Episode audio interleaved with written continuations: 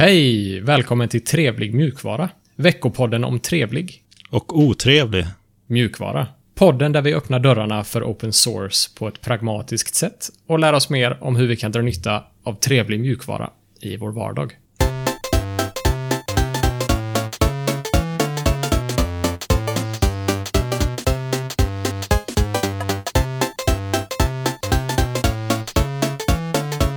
Hallå! Det här är Sebastian, som vanligt. Och med mig har jag Alex, tror jag. Ja, det stämmer bra det. Tjena, tjena. Hur är läget? Ja, har ju varit sjuk. Det är därför avsnittet är lite försenat. Men det är lite bättre. Jag kan sitta upp nu i alla fall. Bra. Småbarnssjuka, eller? Ja. Härligt. Vad ska vi prata om idag då?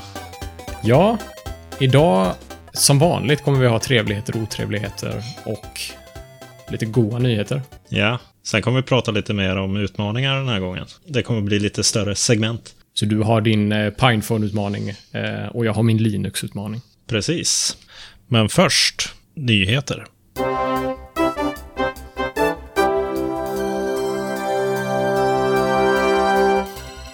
Och idag har vi inte så mycket nyheter, men det är lite nyheter om Firefox, Darktable och KDE.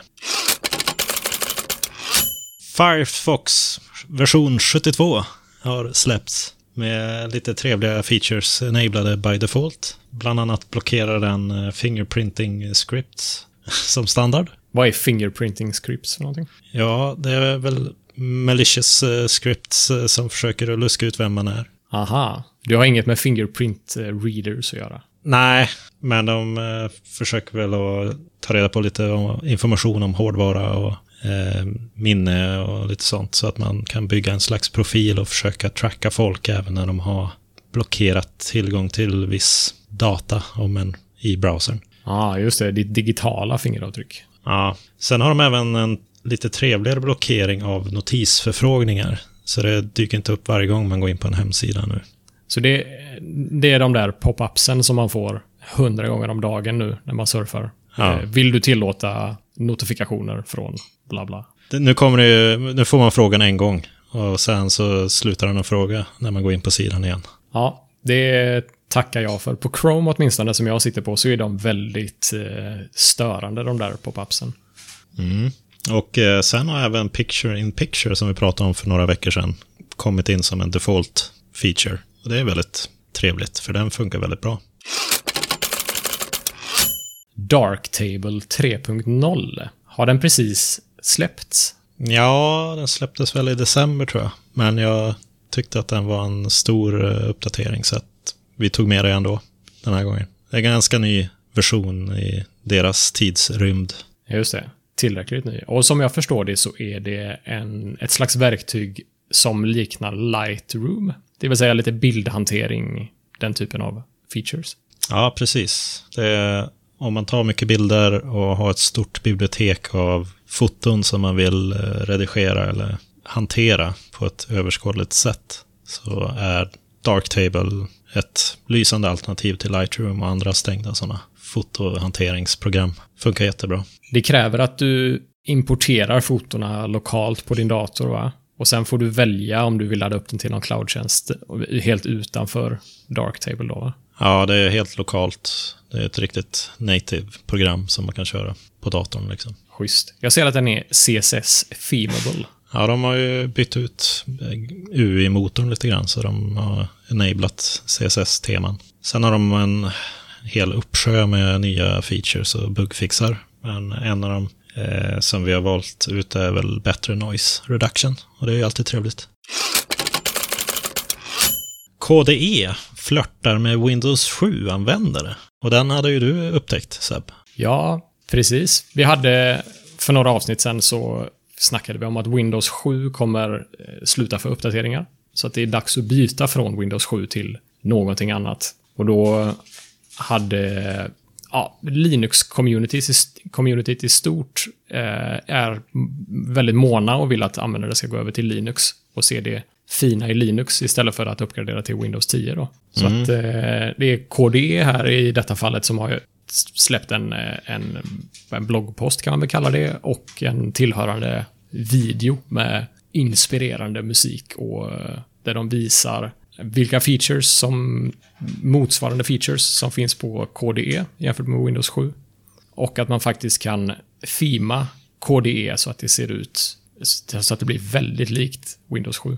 Ja, jag kör ju, det de demar där är ju Plasma och det är det jag kör i Linux. Men det ser absolut inte ut som de har lagt upp det i, i, i den här eh, promotion-videon. Du kör inte de glossy... Nej, jag kör inte Windows 7-tema faktiskt. Nej, okay. ja, men det är trevligt. Det är lite roligt också att de gör en sån video. Ja, det tycker jag. Det, folk är väl eh, bekväma med hur saker ser ut. Om man har hängt kvar på Windows 7 fram tills nu så är man kanske lite mot förändring. Mm, men nu? Otrevligheter. Hjälp! Och det är du som har lagt in en otrevlighet här. Ja, jag läste på Reddit häromdagen att det var en eh, användare där som har hittat att en feature i Device, ska vi se vad den heter. Jag har nämligen en Samsung-telefon som var, eh, som, som den här posten handlade om. Eh, så att i Device Maintenance på en Samsung-telefon, om man klickar på Storage, så får man upp lite information om hur många megabyte eh, videos och bilder och andra dokument man har. Och du kan också cleana din telefon, det vill säga frigöra utrymme som tar bort filer som inte behövs, helt enkelt. Och företaget som gör den här funktionaliteten heter 360, som är ett kinesiskt företag med eh, väldigt dålig track record av eh, de har för sig en massa konstiga saker.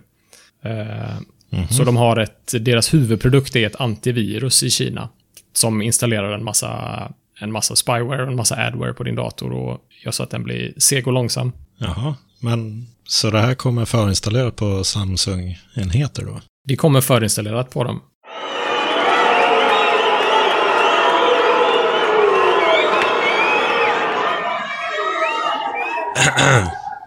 ja. Oj, det gillade inte publiken.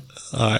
Det kommer förinstalleras som en del av systemet, så det är ingen app du kan ta bort eller, eller sådär, utan det är en del av systemet. Så den har ju såklart tillgång till allt på din telefon. Mm. Den här eh, saken. Men Samsung gav ett eh, officiellt svar efter den här, jag vet inte om det var just efter den här posten, jag tror att det var det faktiskt. Och sa att 360 som är det här företaget då, deras tjänster används bara som en databas för att kolla om en fil kan tas bort eller inte. Så de har en databas där de listar en himla massa filer som alltid är skräpfiler och är säkra att ta bort. Så att själva borttagandet, själva funktionaliteten i det här ligger i Samsungs system och inte i 360 system. Aha, det är lite otrevligt ändå. Man kan, kan man lita på det liksom? Nej, eller ja, jag vet inte. Kan du lita, litar du på Samsung? Det är Nej, ju det det, det kokar ner till. Eller jag vet inte om jag gör det, men det... Ja. Det är inte öppen mjukvara, så du har ju ingen möjlighet att kolla. Det den här användaren hade gjort är att han hade kopplat in något som heter Wireshark eh, mellan sin telefon och sitt nätverk. Så att han kan kolla precis vilka anrop som görs. Och så fort man går in på den här eh, storage-tabben där så skickas det anrop till en massa kinesiska servrar. Mm -hmm. Jag tycker det är väldigt bra att eh, någon gör så där ibland. Det gör ju att man känner sig lite trygg eftersom att det kommer ju alltid finnas någon som drar igång Wireshark och ser vad tar trafiken vägen ibland. Ja, precis. Det är ju inte första gången man hör om en, den här typen av upptäckt, så att säga. Nej, så det är en liten silver lining i den här storyn är väl att det finns folk där ute som faktiskt kollar vad olika devices gör egentligen. Ja, de kanske förtjänar en applåd till och med. Ja, det tycker jag.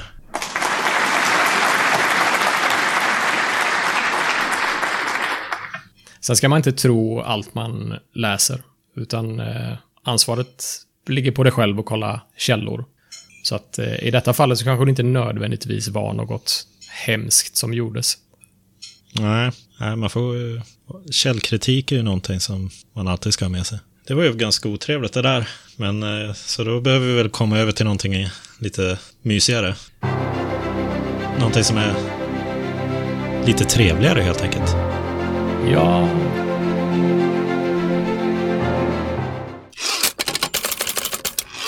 Node-RED har du lagt in som en trevlighet här, Alex. Ja, Vad är det för något? Node-RED är ju ett väldigt trevligt eh, gränssnitt som ursprungligen utvecklades av Big Blue, eller vad de kallades, IBM, för att knyta ihop olika prylar inom IoT. Eh, men det blev eh, open source 2016 och det är en slags verktyg för visuell programmering av flöden. Det som är trevligt med den här är att det är ett bra komplement till Home Assistant. Så man har ju en massa prylar och en massa händelser i hemmet. Och det kan bli ganska svårt att definiera upp flöden som ska inträffa eller avbrytas i bara Home Assistant med ren programmering. Med Node-RED så får man ett visuellt programmeringsverktyg som gör det lätt att se hur, vad händer om någon kommer hem, vilka flöden exekveras då. Det, det är väldigt trevligt helt enkelt. Gör det enkelt att hitta fel också. Det låter ju väldigt trevligt. Mm. Vad ger du den på Gaben? Ja, den får väl 7 av 8 Gaben, för den är inte jätte... Man behöver ju kunna lite programmering fortfarande, förstå det här med hur JSON och sånt fungerar. Ja. Men den får ju helt klart en eh, full pott på Torvalds-skalan. Sen är den ju byggd på Node, Node.js, så du tycker väl att det är trevligt då? Ja, namnet hintar du om det. Ja, och det medför ju att den har mängder med plugins som man kan söka i efter i gränssnittet och installera med ett enkelt klick. Till exempel Google Assistant, eh, plugins, Alexa, Spotify, Home Assistant då såklart. Schemaläggning. Spotify. Spotify, Spotify, eh, schemaläggningskomponenter och även Telegram. Så jag har ju att, jag har en liten kanal med den här botten, hemmet, som eh, skickar lite uppdateringar om att dörren är upplåst eller låst och att någon har kommit hem eller att någon har kommit till förskolan eller sådär. Så det är med hjälp av Node-RED. Den gör det väldigt lätt att sätta upp sådana här saker. Och även tända lampor och släcka lampor beroende på vilka som är hemma eller om man har lämnat hemmet eller kommer hem eller Fräckt. Det påminner mig lite om If this then that. Ja, det, det kan det nog göra. Men det här är ju någonting man kan köra lokalt som, inte, som man äger liksom lösningen själv. Ja. Så den tycker jag är väldigt trevlig. Fediverse.space har du lagt in. Ja, precis. Det är en webbsida som visar en graf, en interaktiv graf över, inte alla sajter, men de flesta större sajter som ligger i The Fediverse. Och vad är The Fediverse för någonting? Ja, det är väl de som pratar ActivityPub med varandra helt enkelt, eller? Ja, precis. Jag tror till och med att det finns ett par andra protokoll förutom ActivityPub som är med i The Fediverse. Men eh, basically ja. Det här var ju en ganska fräck sida. Den har jag aldrig sett förut. Den är lite rolig. Det är ganska nyss jag har fått nys om ActivityPub-protokollet som då är ett öppet protokoll för sociala nätverk. Ja, just det. Och jag har lite, jag vet inte riktigt, jag känner till Mastodon som är någon av de absolut största som, som kör på ActivityPub. Men det finns ju en hel uppsjö med andra sociala nätverk.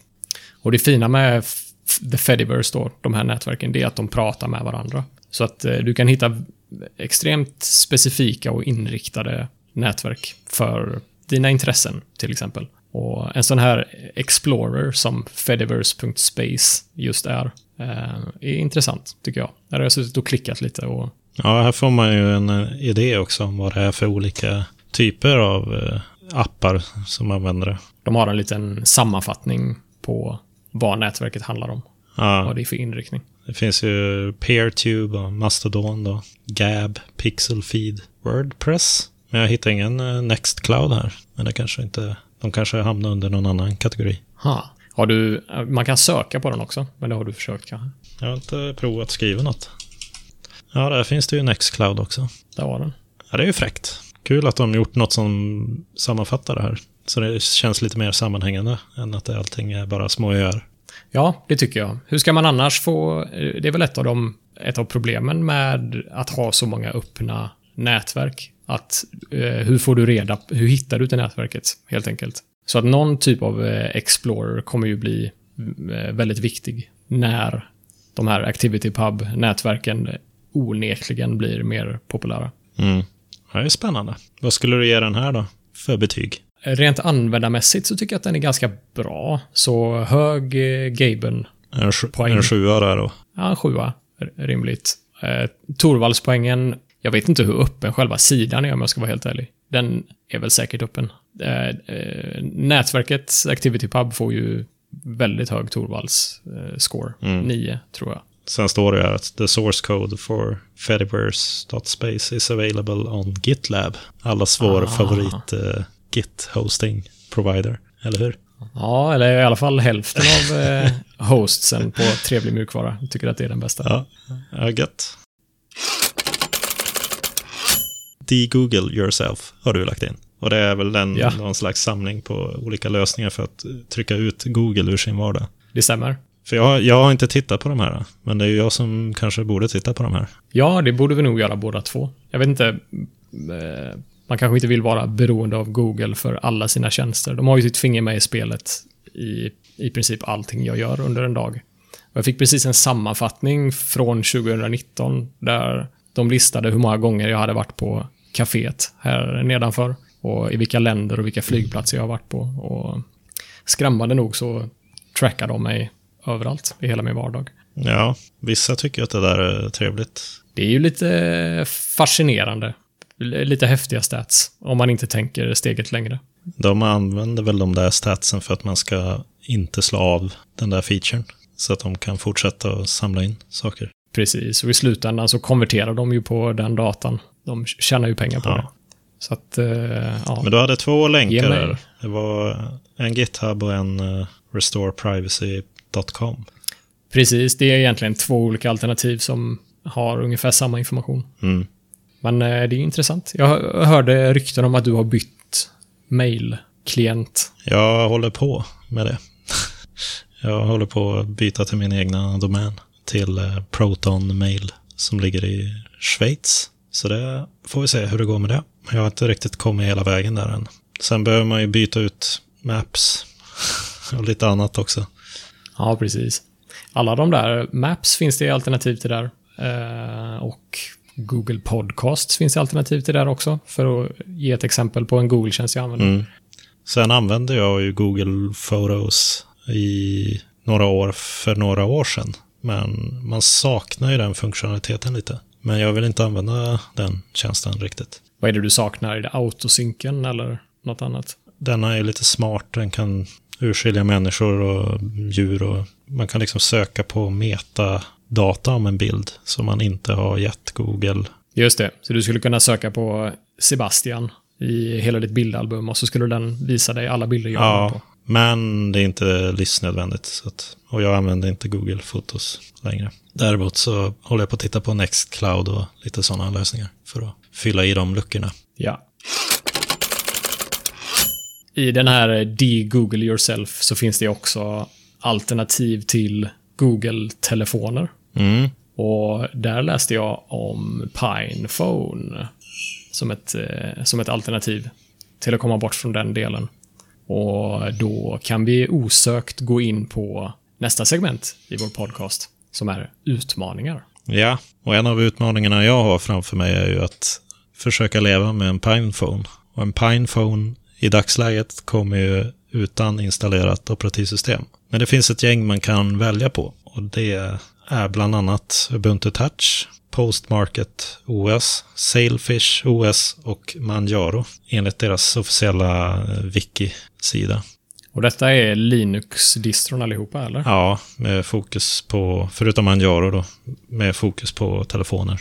Sailfish utvecklas av eh, Jolla De hade en telefon tidigare, hade de inte det? och de har ju slutat göra egna telefoner och försöker att stå på egna ben med ett eget operativsystem istället. Ubuntu Touch kommer ju från Ubuntus telefonsatsning för en massa år sedan, det var fem år sedan kanske, som inte riktigt eh, gick hela vägen, så de stängde ner det. Men de gjorde det ju i det öppna, så det är andra som har forkat det och fortsatt utveckla på Ubuntu Touch. Och det verkar faktiskt som att det frodas ganska bra. Så den och Postmarket OS tror jag nog att det står mellan för mig då. Men jag tycker den här Sailfish ser intressant ut också.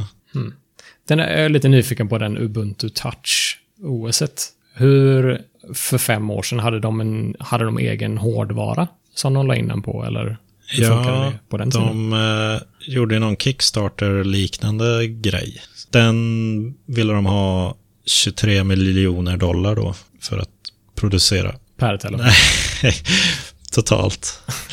Men de kom upp i 12 eller 13 miljoner, har jag för mig. Ja, det kanske är lite väl optimistiskt att utveckla hårdvaran och mjukvaran samtidigt. Ja, det kan vara så. De lyckades ju släppa Ubuntu Touch på vissa devices från någon spansk tillverkare. Så det gick att köpa den i Europa med Ubuntu Touch. Men det blev liksom Jaha. inget mainstream. Så de, eh, det kostar ju ganska mycket pengar att utveckla och hålla ett telefon-OS i liv. Så de var tvungna att lägga ner det och satsa på kärnverksamheten. Men ja, de Ja. som tog över det verkar ha kommit en bra bit. Så det blir, ska bli spännande att prova den. Kommer du köra, kommer du distrohoppa, som det är så coolt heter? Det kanske man måste göra för att verkligen prova alla. Men eh, det får vi se. Nej, vi får se. Vi får se.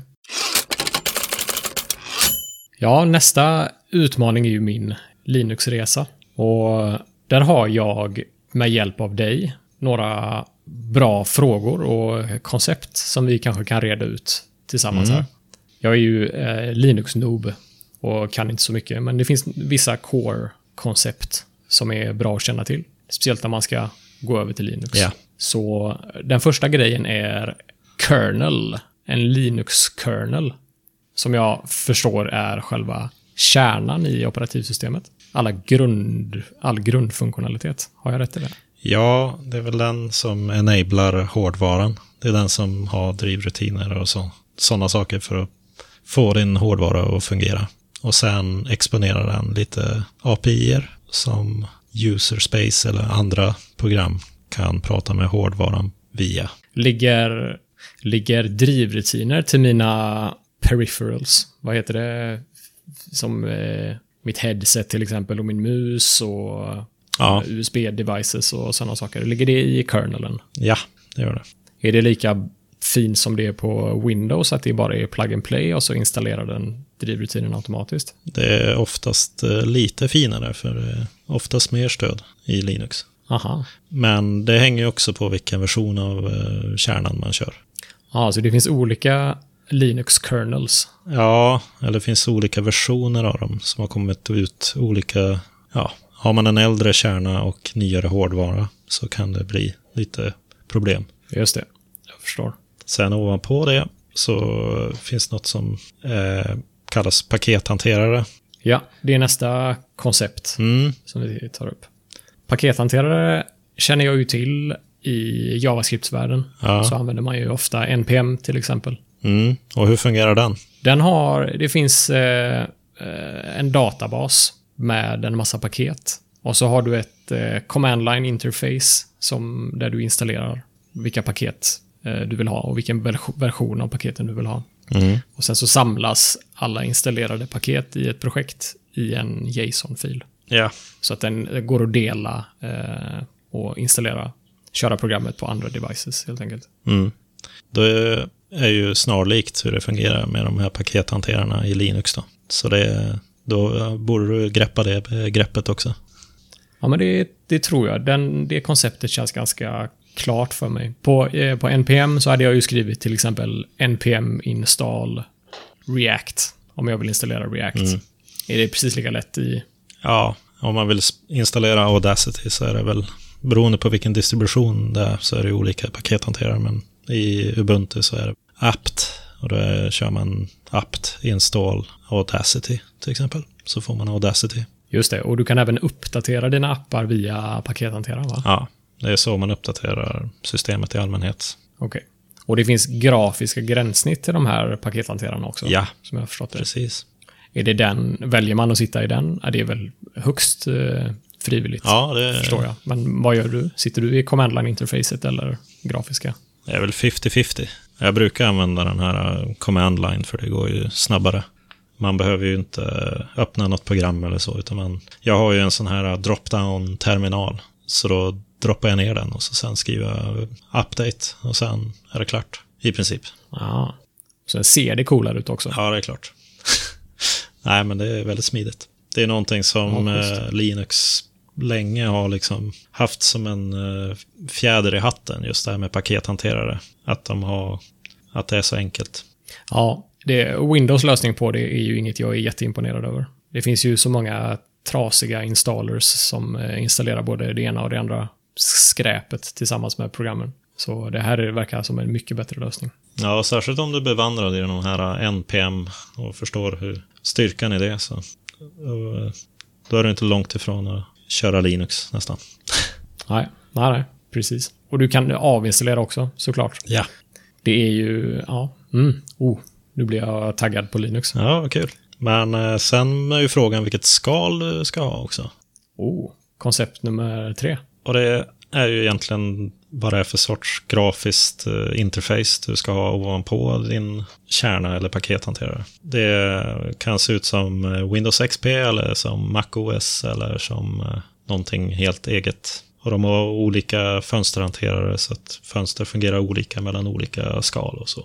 Finns det något, kan du eh, pussla precis hur du vill där? Eller finns det vissa saker som bara funkar till vissa kärnor? Nej, man kan pussla hur man vill egentligen beroende på vilken distribution man kör. Men det bästa är ju att använda det som eh, är supportat i distributionen. Vissa distributioner kommer med att man får välja skal när man installerar. Och andra distributioner kommer bara med ett, med ett skal. Just det. Vad, eh, har du några exempel på skal? Vad heter det du kör? Det jag kör heter ju Plasma. Just det. Sen finns det Gnome, eller Gnome, beroende på vilken skola man tillhör, att man uttalar det. Och det är de stora distributionerna som kör Gnome. KDE till exempel? Nej, Nej. KDE är en organisation som utvecklar Plasma och en massa open source-appar. Ubuntu, Canonical och Red Hat och de kör Gnome Okej. med sina distributioner. Så, så det är Plasma, Gnome, sen finns det XS, XFCE och så finns det Pantheon till exempel, som är den där Elementary OS GUIT. Ja, det finns en uppsjö med olika.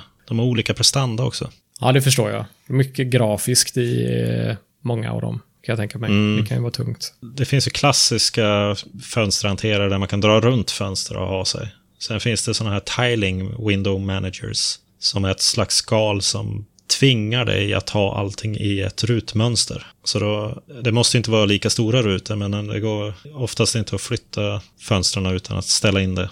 Aha. Så du kan Så- inte ha ett fönster som flyter i mitten ovanpå andra fönster? Ja, det, det går, men som det funkar så är tanken att man inte ska ha det så. Ja. Så då, när man öppnar en ny app i de eh, skalen så dyker de upp i ett hörn någonstans. Jag fick en, en liten flashback till eh, mina tidiga grejer lite med Linux på gymnasiet för en herrans massa år sedan. Och då startade man datorn och så antar jag att ja, en del eh, av Linux bootade upp och sen skrev man start X. Ja, just Är det. det start X som startar skalet? Ja, ja, men det, ja, det kan man väl säga. Det var, det var en flashback det där. Skriver, man skriver inte start X längre. Nej, det gör man inte. Okej. Nej. Och allt det här kommer ju i... Eh, levereras i olika distributioner. Och det är ju egentligen olika samlingar av eh, kärna, pakethanterare och skal. Aha, det är ett färdig, färdigpaketerad eh, kombination av de här. Och så en distribution brukar oftast ha lite förinstallerade Office-appar till exempel. Eller, eller något skal med ett visst tema som matchar eh, distributionen. Och det är det som är en distribution egentligen. Det är samling av de här sakerna. Och det kan man vara, är man super Linux Pro om man inte använder en distribution utan man pusslar ihop de här sakerna själv? Ja, då är man nog lite, lite galen, ska jag Okej. säga. Okej. Det är liksom, eh, det behövs en del lim för att få ihop de här kärnan, pakethanteraren och skalet. Ja, det finns ju Linux from scratch. Och då får man ju kompilera allting och slå ihop det själv. Okej. Om man vill gå den vägen. Men det är, det är det inte många som gör. Ja, jag kan förstå det. Det är ju... Syftet med ett OS är väl eh, ändå oftast att man ska kunna arbeta på det. Ja, sen finns det ju eh, rullande distributioner också. De kommer aldrig i en ny version utan de är konstant uppdaterade. Och det är till exempel Arch och Manjaro.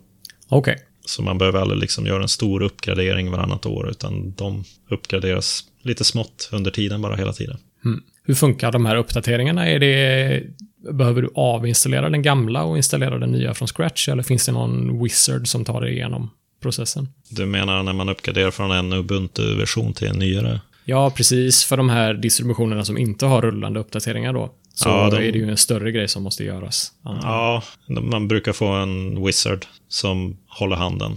Just det. Så det är inte som att uppgradera från Windows XP till Windows Vista? Nej, Nej. de har gjort det så att det ska gå smidigt till. Ja, schysst. Då har jag lite bättre koll på de här koncepten. Det är lite övergripande och lite neddummat kanske, men det, Ja, men det är jättebra för folk som inte kan så mycket om det här. Som jag till exempel. Sky. Det var all trevlig Och otrevlig. mjukvara vi hade för den här veckan. Hör gärna av er till eh, kontakt trevligmjukvara.se. Och se till att följa oss på Trevlig Mjukvara på Twitter. Om ni vill fortsätta diskussionerna. Eller hojta om något annat. Sen finns vi på Telegram också och lite andra ställen. Ni får gärna gå in på sidan och kika på kontaktuppgifterna där. Vi eh, hörs nästa måndag. Trevlig mjukvara på er! Trevlig Mjukvara.